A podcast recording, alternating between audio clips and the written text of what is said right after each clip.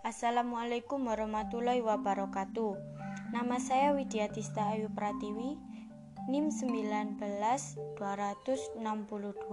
Saya dari kelas S1 tingkat 1 reguler. Di sini saya akan menjelaskan tentang perlunya mengetahui sosial budaya masyarakat dalam melakukan komunikasi kesehatan. Dalam buku yang dituliskan oleh Richard Thomas yang berjudul Health Communication membahas mengenai konsep komunikasi dan bagaimana dasar-dasar untuk memahami komunikasi tersebut.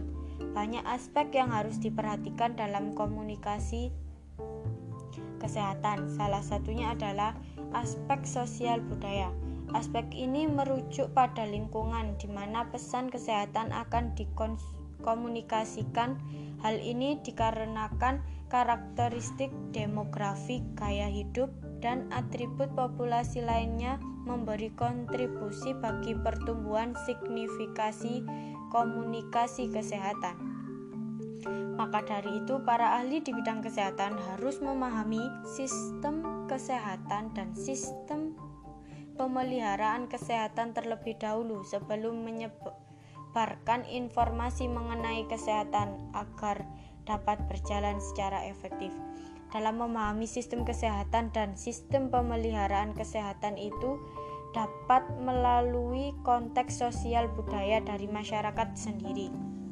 Hal yang menjadi tolak ukur dalam sistem kesehatan yaitu struktur sosial dan juga nilai-nilai budaya dari masyarakat sekitar. Bentuk maupun fungsi sistem kesehatan menjadi cerminan dari bentuk dan fungus masyarakat yang ada di sekitar. Sebagai contoh, ketika seorang akan membuat kampanye mengenai bahaya mengonsumsi kopi terlalu banyak bagi kesehatan, maka membuat kampanye harus melihat dan mempelajari terlebih dahulu mengenai apa yang membuat masyarakat harus meminum kopi. Bisa jadi kebiasaan masyarakat bekerja hingga larut malam menjadi mereka menjadikan mereka untuk meminum kopi dan mengurangi rasa kantuk. Dengan perkembangan teknologi informasi dan komunikasi yang semakin canggih, maka dalam mempengaruhi perubahan sosial budaya pada masyarakat akan menjadi sulit.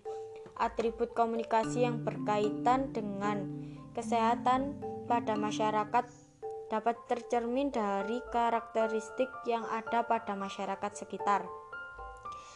Sama halnya dengan institusi pada umumnya, perilaku individu dapat dituntut dalam konteks kelembagaan melalui peraturan yang telah ditetapkan terlebih dahulu oleh institusi. Contohnya, jika ada pedoman agar menjalankan pola hidup yang sehat, maka jika ada yang melanggar kebijakan ini akan mendapatkan resiko yang berkaitan dengan kesehatan masyarakat. Pedoman seperti ini biasanya dibuat dalam bentuk perintah dokter yang diberikan kepada pasien.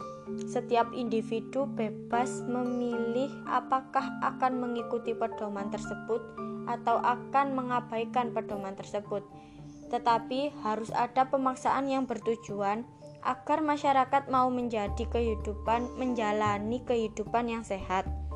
Pemaksaan ini berupa persyaratan tertentu yang ditinjau oleh lembaga kesehatan dari berbagai macam peraturan hukum, sehingga semua individu diminta untuk memperoleh imunisasi bagi anak-anak pengguna narkoba harus dimasukkan ke re rehabilitas dan para penderita penyakit menular harus diisolasi dari masyarakat lain ada di, yang ada di sekitarnya. Seiringan berkembangnya zaman, masalah kesehatan di Indonesia menjadi fokus utama dari berbagai pihak.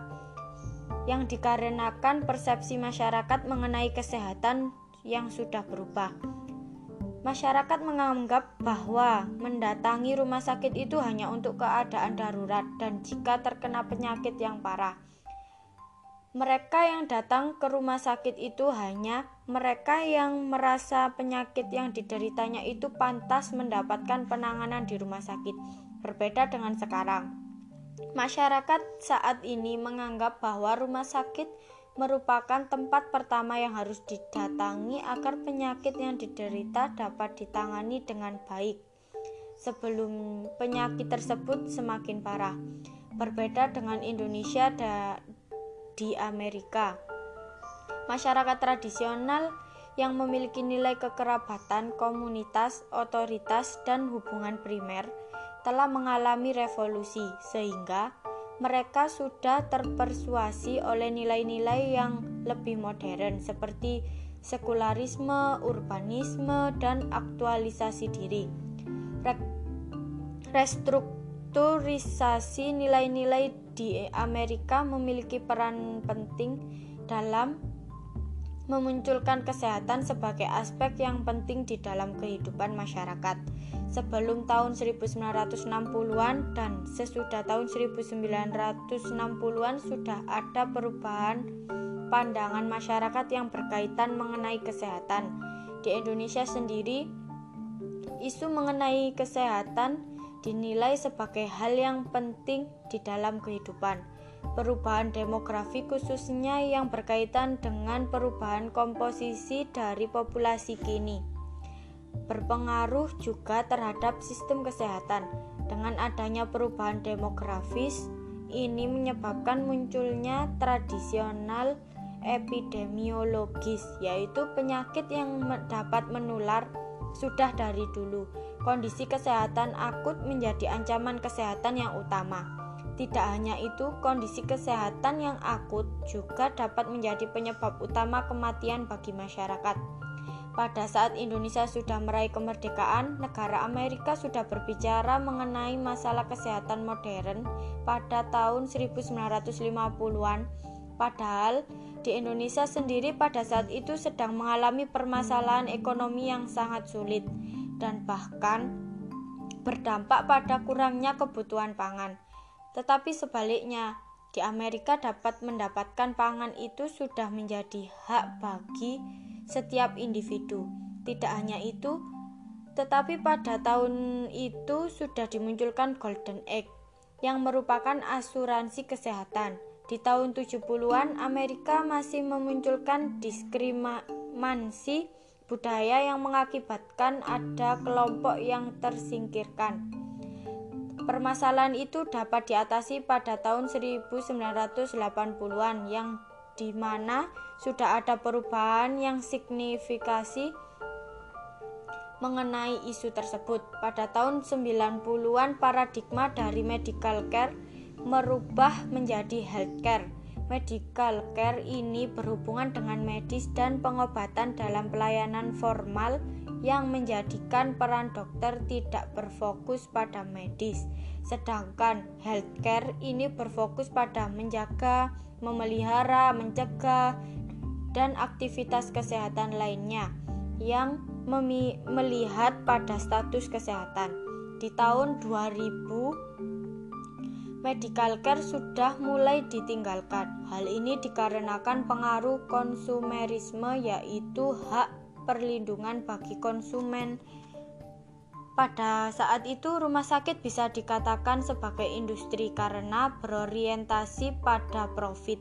Namun, hal ini tidak semata-mata hanya untuk mencari profit saja, karena juga harus memberikan pelayanan kesehatan yang baik bagi masyarakat. Sekian penjelasan tentang perlunya mengetahui sosial budaya masyarakat dalam melakukan komunikasi kesehatan. Apabila ada salah kata, saya mohon maaf. Wassalamualaikum warahmatullahi wabarakatuh.